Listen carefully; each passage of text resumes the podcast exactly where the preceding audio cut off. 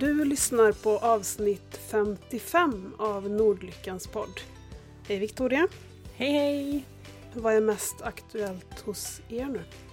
Ja men det var ett tag sedan jag tänkte på det. Vad är det vi, vad är det vi ska ta upp? Det är mycket som har hänt sen sist såklart. Vi båda har väl smärtsituationer bland våra barn. Ja, det är nog en gemensam nämnare. Mm.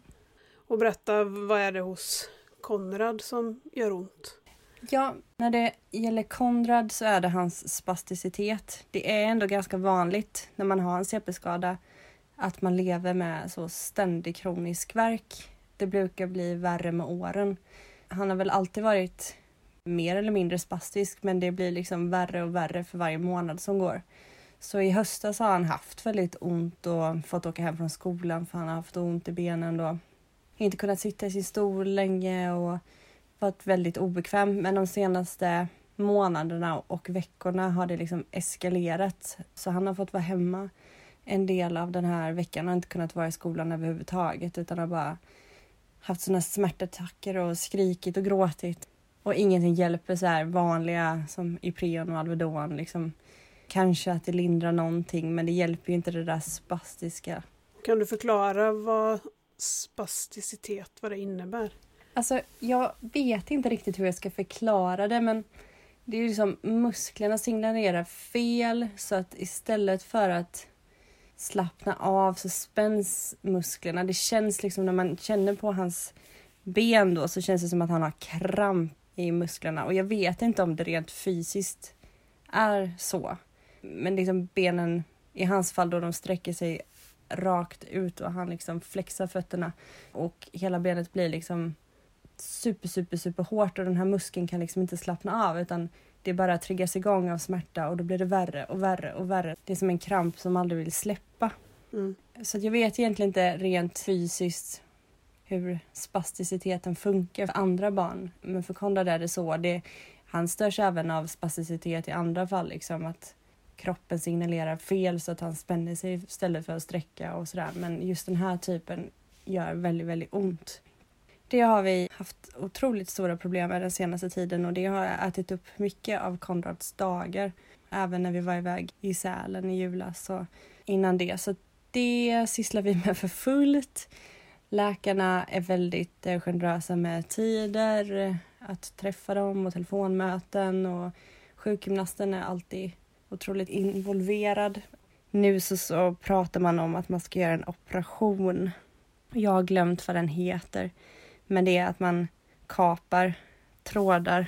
Jag antar att det är muskeltrådar eller nervtrådar för att den här värsta spasticiteten ska liksom lugna ner sig.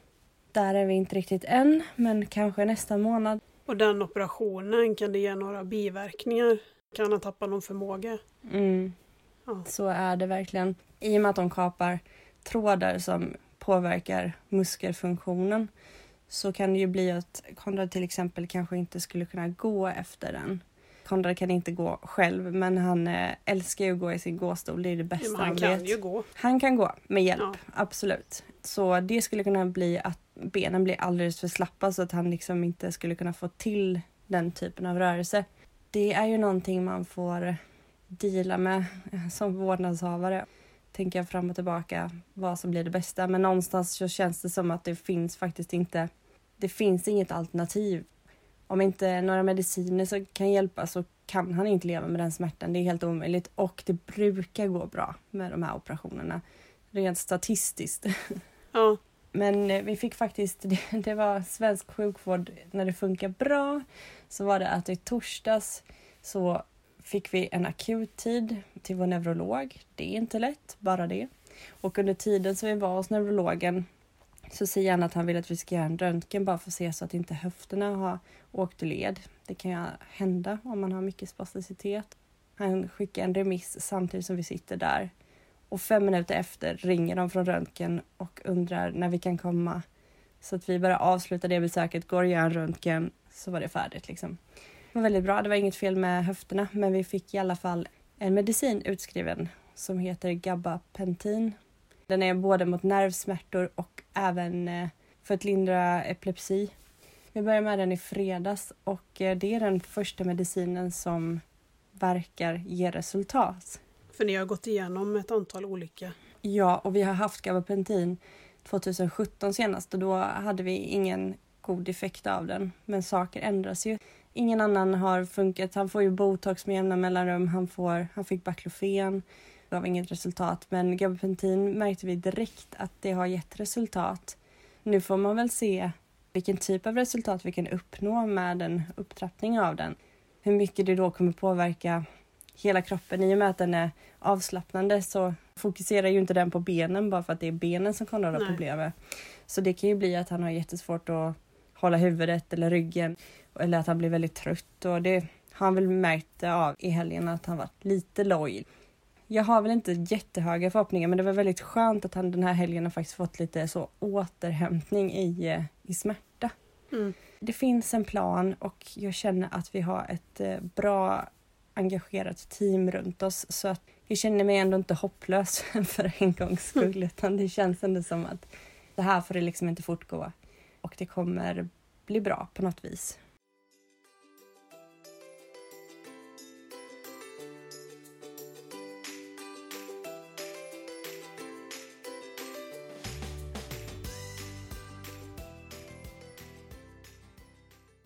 Jag tycker det känns lättare att uthärda om man vet att det finns en plan framåt. Exakt, det var det jag tänkte att jag känner mig ändå lyckligt lottad i det och jag vet att ni har en lite annan situation i Vides smärta. Ja, delvis i alla fall. Han har ju sina magsmärtor. Mm. Från början så trodde vi att det var epilepsi eller något form av anfall, men det har de ju uteslutit att det är ju medvetna rörelser. Antagligen en form av självstimulering för att han har så ont. Så försöker han på olika sätt och genom att dra in magen och genom att dra benen upp och ner, lindra smärtan. Ibland ligger han också med huvudet utanför soffkanten. Och då är min teori att om blodet går till huvudet så kanske smärtan i magen lättar lite. Mm. Eller att obehaget av att ligga så lindrar smärtan. Vi var inlagda i december. Dels upplever vi att de här smärtperioderna kommer som i skov. Att han har bra perioder och sen kommer det en dålig period. Och när vi åker in till sjukhuset så kan man nästan likna det vid, men som vid en förlossning. Vi går hemma och väntar och hoppas att det ska vända och det blir bara värre och värre och till slut ligger han hela dagarna och ingenting av det som vi kan göra hemma lindrar. Och då åker vi in, ungefär som när man hade verkar och liksom vänta, vänta, vänta tills man kände att nu måste vi åka. Sen är ju problemet då att när han kommer in till sjukhus så visar han ju ingen smärta där. Nästan aldrig. Han gjorde det lite grann i december och tack vare det fick han sin PEG inopererad. Just det. Och då trodde man att eventuellt att ett högre vätskeintag skulle göra att förstoppningen skulle lätta. Det blev ju tyvärr ingen sån effekt.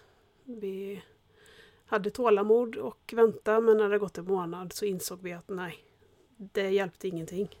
Sen mm. älskar vi knappen fantastiskt hjälpmedel att kunna ge alla mediciner där och kunna ge extra vätska. Så vi ångrar ju inte den operationen. Han har ju väldigt stor nytta av knappen men det hjälpte inte mot det som vi hoppades på.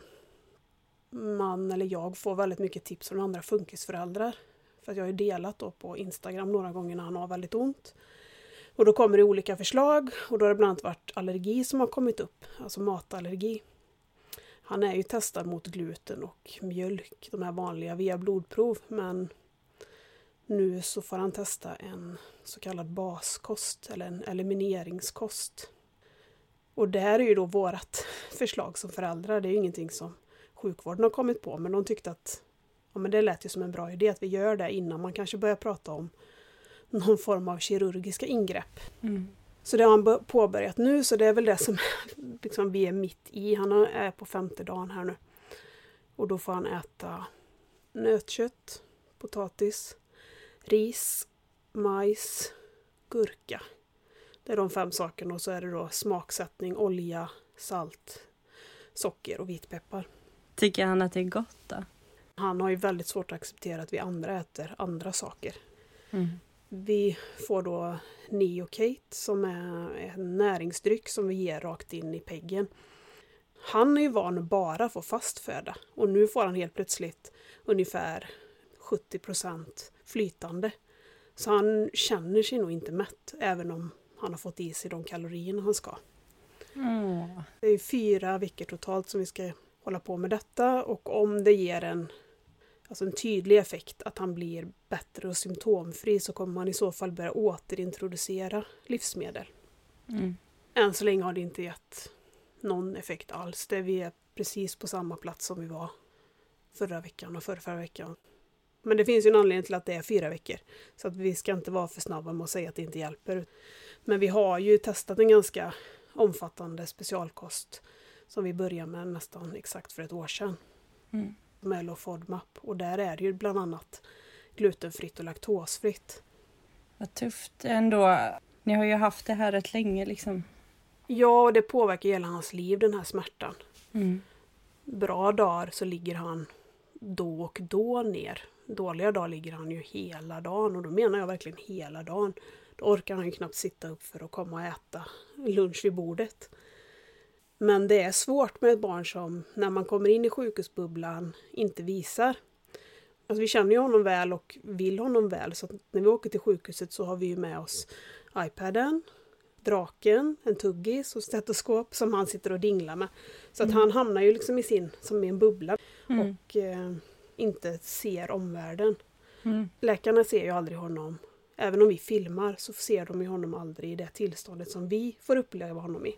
Nej, och de har ju så ofta tycker jag svårt att förstå när det inte är så här som andra barn liksom. I alla fall har jag tyckt det att när, när Konrad har skrikit och så då är det så här, ja men det har kanske med hans, han är missnöjd eller han, ja alltså massa andra förklaringar bara för att det inte är så självklart som att våran Baltzar kommer och säger att han har ont i magen liksom. Jag tycker inte alla läkare är så himla bra på att eh, förstå det. Nej, jag har väl en eller kanske två läkare som jag har förtroende för som jag ändå upplever att det är en dialog med.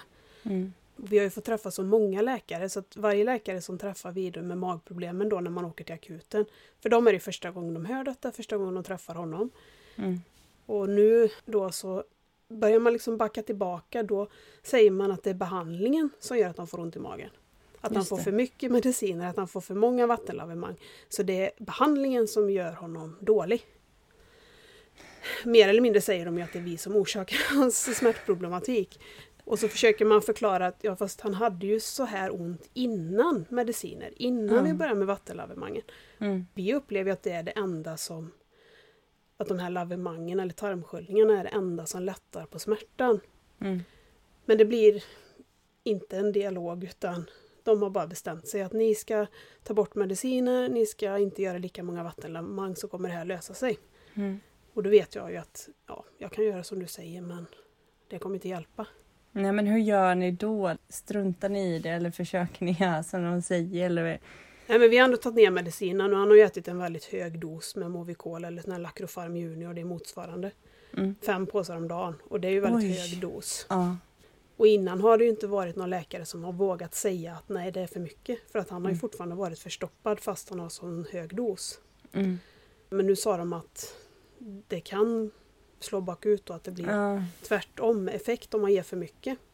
okej. Men det innebär ju som förälder att man får stå och titta på honom när han ligger och Ja. ont. Och inte göra någonting, vilket är hemskt. Ja, nej, ja. Det är fruktansvärt. Och man känner som att det är så barnplågeri liksom. Jättesvårt. Och sen är det ju då att vi håller på med den här kosten och då tycker de att innan vi har fått svar på om det hjälper så kan vi inte hjälpa er. Alltså jag köper ju det också men fyra veckor är lång tid. Jättelång tid. Speciellt om man har så ont som man har haft den senaste tiden. Mm. Och sen har vi ju fått lite olika bud om smärtlindringen. För vi har ju blivit tillsagda att vi inte ska ge honom Alvedon vanemässigt därför att han har haft för höga levervärden vid några tillfällen. Mm. Vi har blivit tillsagda att vi inte ska ge honom Ipren vanemässigt därför att han har ju reflux. Och det är ju risk då att är det svalget eller någonstans som det kan bli skadat då. Okej. Mm. Och sen vill de inte ge oss något starkare för att det i sig är stoppande och Just. också beroendeframkallande. Ja. Så då står vi ju där, okej, men vad är det vi får ge honom? Och då frågar jag ju nu då när vi låg inlagda förra veckan. Mm. Och då nonchalerar hon ju mig i stort sett och liksom, ja ja men det finns ju barn som äter smärtlindring varje dag hela livet. Så det är Mm. bara att ge honom. När man träffar så många olika läkare så får vi så många olika bud. Ja. Sjukvård är ju inte så exakt, alltså på det sättet som man kanske hade en föreställning om. Utan Nej. de gissar ju också ibland. Ja, jag känner ofta att de förslagen som man själv kommer med är det som blir liksom, alltså att man driver verkligen Ja, ja. barnets sjukvård framåt. Det känns helt sjukt, speciellt när det är så avancerade saker. Nej, det är verkligen inte exakt och det beror så mycket på vad föräldrarna liksom serverar till, till läkarna. Det känner jag verkligen igen och jag tycker det är hemskt för att olika för vad barnen får för behandling liksom. Mm. När vi bråkade med dem, kanske att det var i somras, då ringde ju en kurator till oss och då var ju lösningen att vi skulle gå och prata med henne och att hon skulle sitta med på läkarsamtalen. Så då var ju inte lösningen att försöka hjälpa vidare med den bästa vården utan att försöka lugna oss föräldrar. Mm. Och då kände jag att då har man ju verkligen inte lyssnat. Nej. Vi har fått exakt samma variant också, psykolog som skulle vara med. Men hon sa till mig innan läkaren kom in, jag kan ju inte hjälpa dig med, att, med det här. Det är ju läkaren som ska göra. Så att hon var i alla fall bra på det sättet att hon fattade att det handlade inte om att vi skulle ändra vår inställning till vårt barn utan Nej, men vi har ju äntligen fått komma till Drottning Silvias på barn eh, på mag och tarm där, avdelningen. Mm. Mm. Och där träffar vi en läkare som jag har väldigt stort förtroende för. För jag upplever i alla fall att han lyssnar på vad jag säger Mm. och inte ifrågasätter det. Nej. Så vi får se vad nästa steg är. Vi har bett om att de ska göra fler undersökningar och då säger den här senaste läkaren så att många undersökningar går ut på att ta reda på om tarmen arbetar långsamt. Mm. Och det vet man redan att Vides tarm gör. Mm. Är det vanligt? Ja, Ja. Det har vi ju fått höra också tidigare att det här är ett vanligt problem hos barn med autism. Men autismen är ju inte hans grundproblematik. Nej. Han har ju en sjukdom. Precis.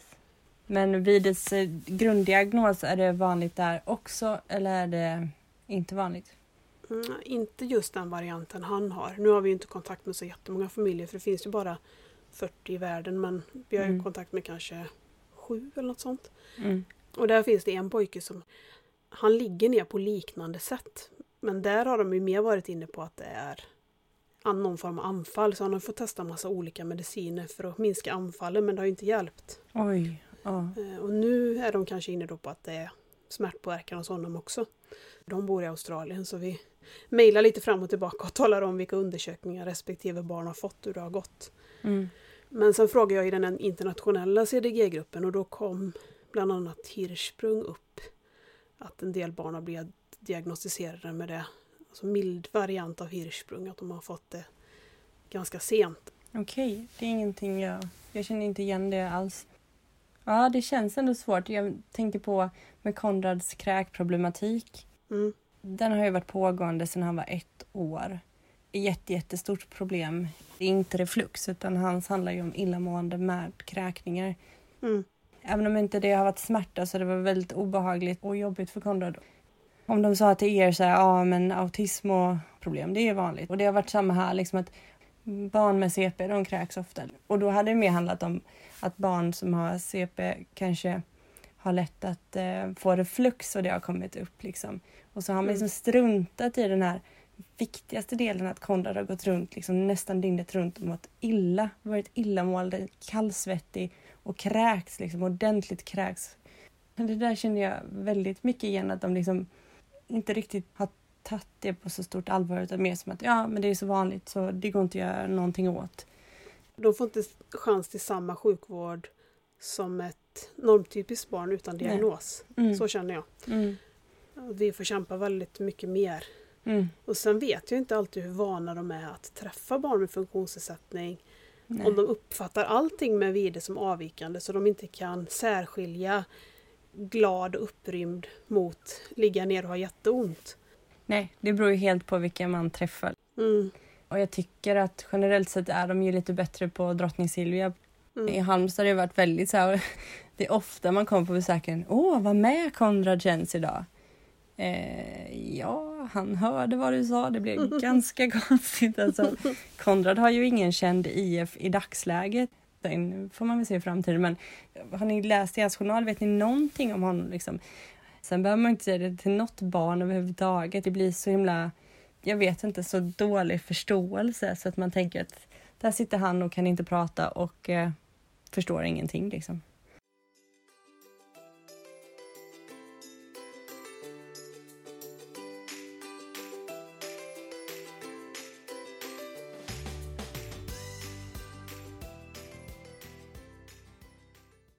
Den här sista läkaren sa också att hon förklarar på något sätt att om man har haft mycket magsmärtor så kan filtret mot hjärnan bli försvagat så att man sen reagerar som smärta på tarmrörelser och sådär så att det inte behöver vara att han faktiskt har mer smärta utan bara mer upplevd smärta. Mm. Om man har den inställningen då kommer man ju inte försöka att behandla orsaken till en smärta. Nej, exakt samma sak sa de när det gällde Konrad och hans illamående. Som att han hade mått mycket illa och då hade filtret också blivit annorlunda så att han trodde att han mådde illa fast han egentligen inte mådde illa. Mm. Bevisa det då. Ja, precis. Nej, och då undrar jag varför har han i så fall bra perioder vid det? För tarmarna rör väl på sig alla dagar? Ja, men det där är ju ingenting man kan ta för givet. Nej. En hypotes, det kanske stämmer på någon, det kan det väl göra, men det är helt omöjligt att gå runt och, och lita på det liksom. Det kan ju också faktiskt vara så att själva grundproblemet har blivit värre. Mm. Det är väl den första slutsatsen. I många diagnoser blir ju saker värre. Epilepsin blir värre, spasticiteten blir värre. Mm. Vi har ju också problematik, men absolut inte på den nivån. Men eh, Nej, och det är ju jättemånga barn med funktionsnedsättning som har förstoppning. Mm. Men vi fick ju testa att vara på korttidsavdelningen på Drottning Silvias. mm, Vi åkte till Borås först och så gjorde de två lavemang som inte gav effekt och då skrev de ut oss. Logiken i det förstod inte jag riktigt. Så då stod vi ut ett dygn hemma och sen så åkte vi till Göteborg istället. Och då mm, fick vi ligga kvar där fyra dygn blev det väl till slut. mm. Men de lutade sig också tillbaka på den här specialkosten men vi fick ju i alla fall vi kommer få göra några fler undersökningar även om vi inte fick göra det på plats. Mm, Så det ledde väl ändå någonstans. mm. Jag har tyckt att SÄS har tråkiga lokaler så korttidsavdelningen på ja, Östra är det väl det tillhör. Ja, Det var ju som att kliva tillbaka 30-40 år i tiden. Vi ska inte glömma att alltså drottning, drottning Silvias barnsjukhus har ju bara precis öppnat sitt nya. Ja, De lokalerna som ni var i nu, det är ju de vi har hängt i i alla år. Liksom. ja. Men det är sant, det är förskräckligt. Vi har också legat där någon gång och jag håller med dig. Om man inte var lite nere redan från början så blir man ju det ganska snabbt av att hänga där liksom. Sen är ju Drottning Silvias, eh, det är som att bo på hotell. Va? Alltså det nya. Ja. Inte där vi var nu. Utan nya på Drottning Silvias är hur fint som helst. Ja, men det hoppas jag. Men ni kanske inte har varit där sedan det öppnade eller? Vi har inte varit inlagda där. Vi har bara varit i lokalerna men vi har inte varit på Mm. någon avdelning. Men vi låg ju där när han fick sin knapp. Mm. De har ju en innergård med växtlighet. Mm. Och så har man liksom sitt fönster så hela sjukhusrummet, ena långsidan är ett fönster ut mot det. Jaha. Så man kan ju välja att dra ner persiennerna men man kan ju också välja att ha dem uppdragna och så ser man ju då in i andra rum så att Mm. man blir inte riktigt så isolerad. Så det var en vä- väldigt eh, smart grej tycker jag. Mm. Toalett och dusch på varje rum. Ja. Men det har de faktiskt på SÄS med. Inte alla rum men de flesta rum har ja, dusch och toalett. alltså Halmstad kan jag inte klaga på överhuvudtaget när det gäller lokalerna. Jo förresten, bli aldrig inlagd i Halmstad på sommaren för det finns ingen AC, ingen luftkonditionering överhuvudtaget. Är det varmt ute, då är det så 35-40 grader inne. Så välj någon annanstans då. Men annars är det ju havsutsikt och ändå fint.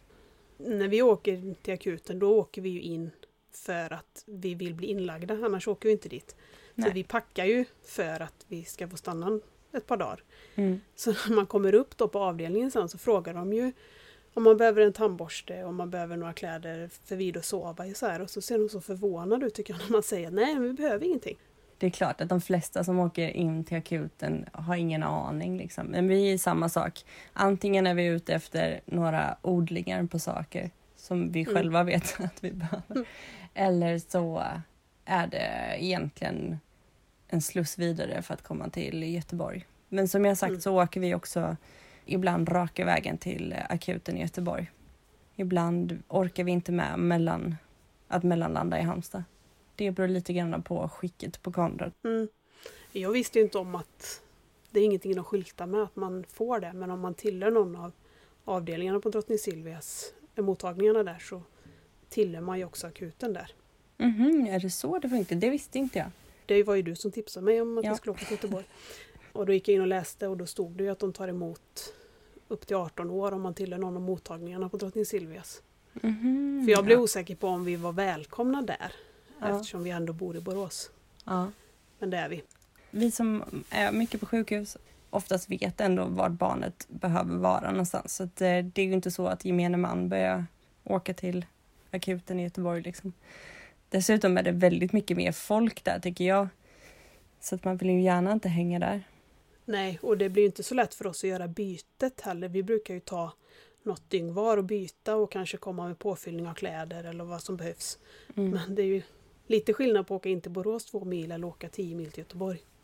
Ja, Så att man åker bara dit om man känner att vi måste för att vi vill få möjlighet att träffa specialister. ja. Och det fick vi ju ändå. Vi fick ju träffa gastrokonsult. Och det hade vi inte fått göra i Borås. Så. Nej, det är ju det. Det är också när vi behöver träffa vårt så absoluta neurokirurgteam och så. Då åker vi ju dit. Men om det inte är superallvarligt, då skickas man ju tillbaka till Halmstad. Skulle man ju göra. Så Mm. man får ju tänka till lite innan man åker om man inte vill åka fram och tillbaka för att det är så himla kul. Men det är bra att det alternativet finns och Göteborg har också sagt till oss att är Konrad i ett läge där vi verkligen själva tror att det är sjunten men han inte behöver åka ambulans, då ska vi åka direkt till dem.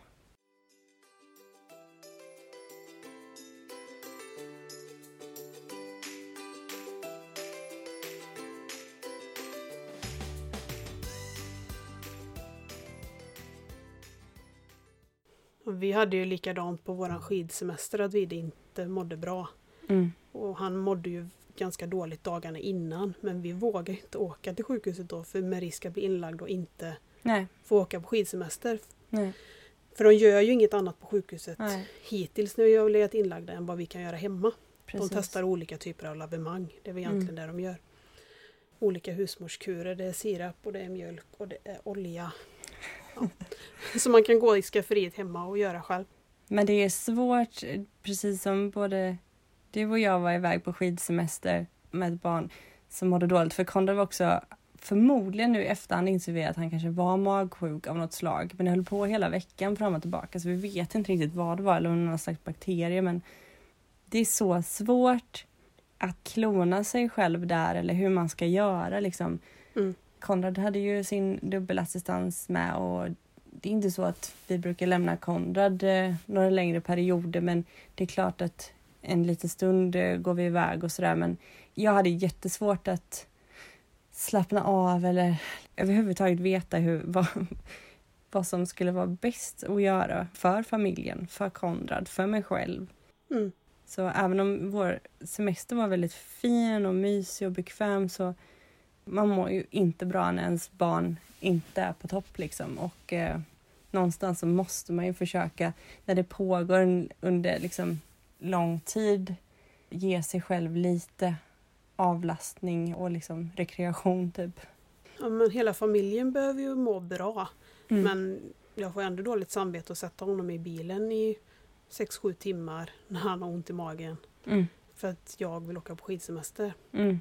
Det var i och för sig väldigt roligt. Jag gick en sån biski-kurs och tog certifikat för att köra biski. Mm, just det.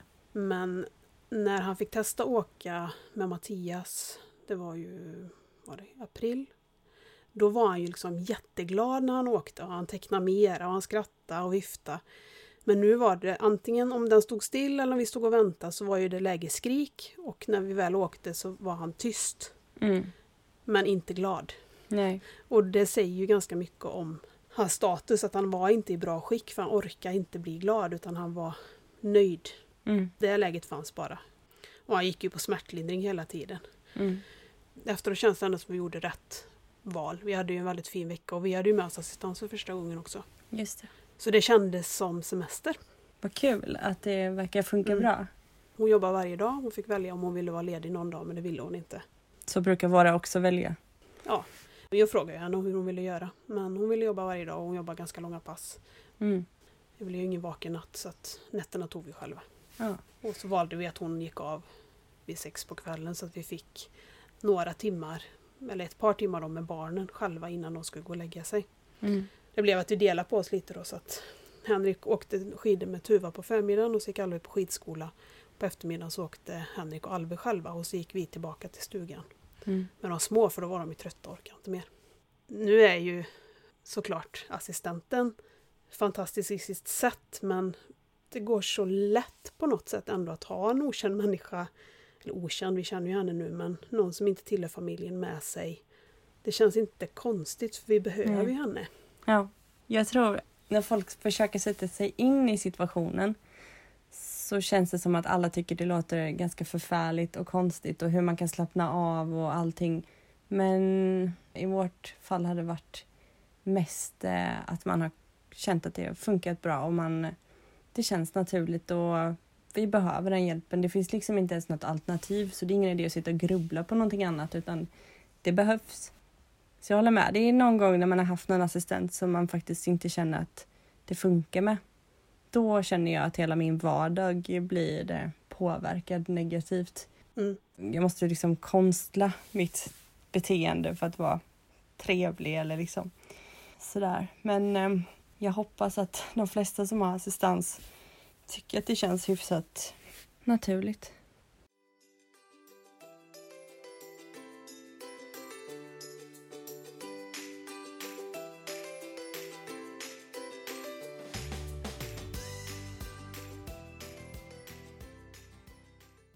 Men hur går det med assistansen? Eh, ni har ju precis som vi upplevt att det är eh, svårt att hitta folk.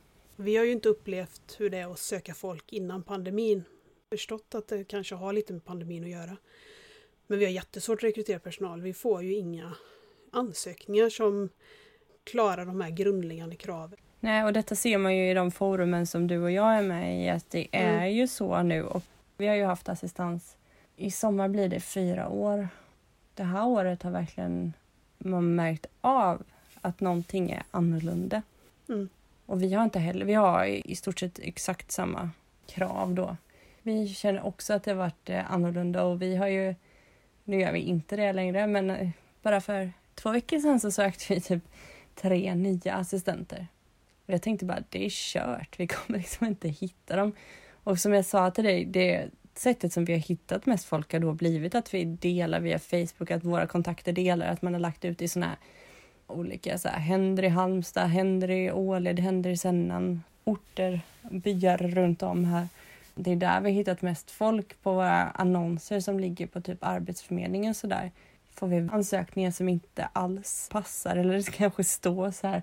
Jag måste söka jobb men jag vill inte ha det i stort sett liksom. Ja, ansökningar som inte är till personlig assistent utan det Mm. står allt möjligt annat. Mm. Men Mm. nu har vi sagt att de vill vi inte ens, jag vill inte se dem. Nej. Det har jag ju ändrat sig också. Först sa jag att jag ville se alla ansökningar. Det gick Mm. ju väldigt fort tills jag sa att jag inte ville det här längre. Mm. Och sen har vi ju sagt att alltså de här uppenbara där man inte ens orkat skriva om brevet till det här jobbet. Mm. Då faller man ju också bort. Ja precis. Från början så har vi haft intervjuer hemma. Vi har inte haft så många, jag tror vi har haft fem intervjuer kanske totalt. Och det är ändå ganska under lång tid vi har sökt personal. Mm. Då förstår man att det är inte så många som Alltså bra ansökningar som är tillräckligt bra. Men eh, först har vi haft hem dem. Men nu gör jag ju som du har tipsat om att Mm. vi kör via Teams istället. Mm. Och om, nu är det ingen som har kommit vidare, men om man skulle känna att det klickar och att båda vill så får man komma och provjobba några timmar. Ja exakt. För då slipper vi det här att ha den ena efter den andra sittandes Mm. i vårt kök.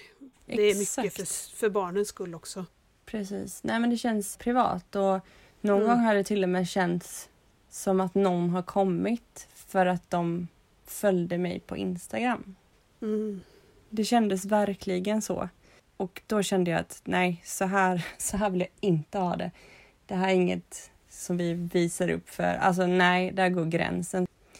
Och sen är det ofta ganska så här att man bestämmer att någon ska komma, man väntar och sen dyker den inte upp och är sen och ska komma en annan dag. Och då känner jag att det är väldigt mycket mindre krav när man bara ska ha ett möte på Teams. Ja, för man kanske ändå har plockat undan och Mm, satt på sig några vettiga kläder för att någon ska komma. Men lite så. Jag och Henrik har ju kört intervjuerna ihop. Mm. Men det kommer vi inte göra mer. Alltså sist, jag blev så irriterad på honom. Jag tyckte att han gjorde alla fel. Det är inte bra för vårt förhållande att försöka göra det här professionella bemötandet tillsammans. Nej, det går inte. Nej. Jag tar oftast intervjuerna då, eller nu tog Henrik den senaste för att då var jag och Vide på sjukhuset. Mm. Liksom sagt att vi bjuder inte på någonting om man kommer hem på intervju, för det är en intervju, utan man kan få Mm. kaffe. Men han började duka fram fika. Och liksom, han hade varit och köpt bakverk och jag tänkte, vad gör han nu? Det var ju som för sent att backa när han började, redan hade dukat, börjat duka fram. Att Ja, det hade ju känts otroligt snålt om jag hade sagt att nej, nej, vi ska fika sen när du har gått. det skulle inte Håkan göra kan jag säga. Det är nog jag som är den i så fall. Men nej, nej det håller jag med om och eh, jag försöker nog ganska snabbt också om någon börjar provjobba så att inte hålla på och serva för mycket och så. För så är det inte längre när man jobbar hos oss utan det är en arbetsplats precis som vilken som helst. Så att, eh, jag tror att det är en björntjänst mot en själv att göra på det sättet. Mm. Det är trevligt, väldigt trevligt måste jag säga. Men kanske inte för en intervju. Nej, Vi kanske, kanske äntligen har eh, hittat vårt gäng och eh, vi har inte så mycket personal nu som är sjuka hela tiden fast där man undrar om det är så. mm. Det är ett väldigt vanligt problem som är extremt irriterande. Jag tror faktiskt att vi har ett väldigt bra team nu som känns gemytliga och seriösa. Liksom. Mm. Det har varit några tuffa månader här med corona och eh, mycket influensa och eh, ja, kanske sjukdom, kanske inte sjukdom bland assistenterna. Vi har varit väldigt underbemannade. Jag som säger att vi aldrig hoppar in som assistenter. Jag har stått själv tillsammans med min mamma och jag har försökt jobba samtidigt som jag haft kon... Alltså, ja.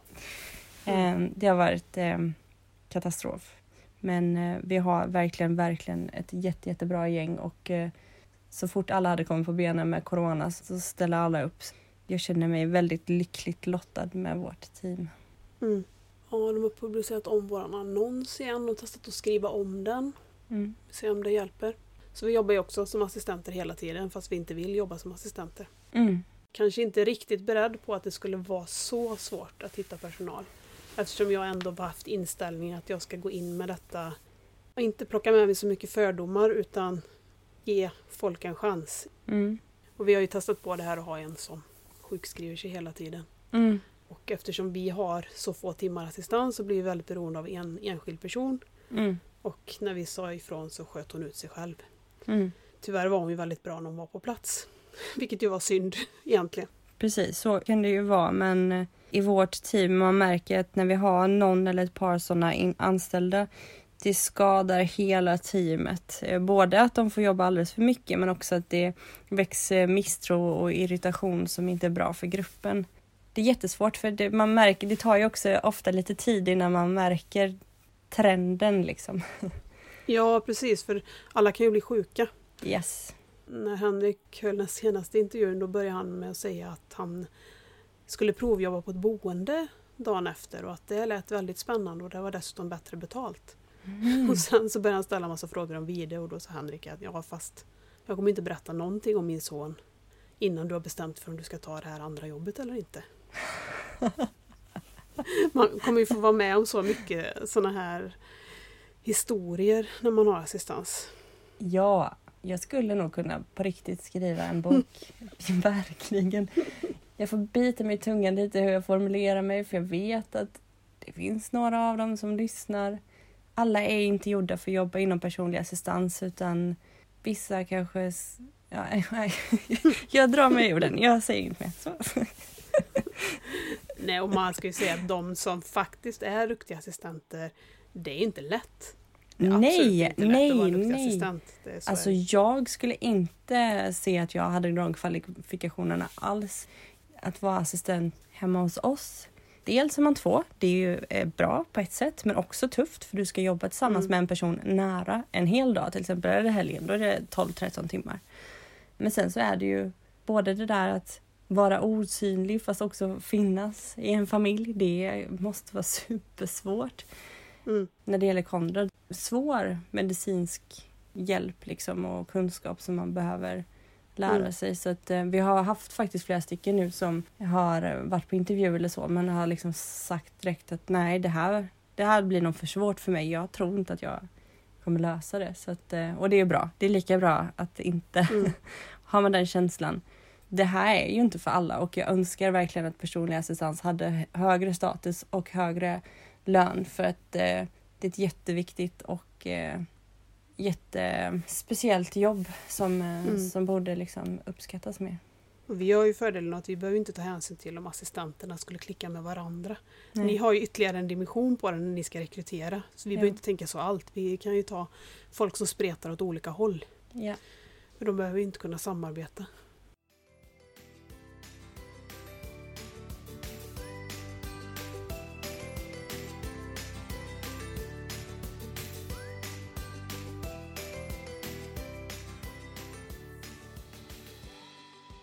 Tack så jättemycket så får vi se när vi poddar igen. ja, det får vi se. Men eh, du och jag hörs garanterat innan det. Ja, det gör vi. Mm. Ha det så bra. Detsamma. Hej då! Hejdå! Tack så mycket till alla er som har lyssnat. Om ni vill komma i kontakt med Victoria så hittar ni henne på Instagram under namnet Kalasklister. Och jag finns som vanligt på Instagram under namnet Nordlyckan. Puss och kram!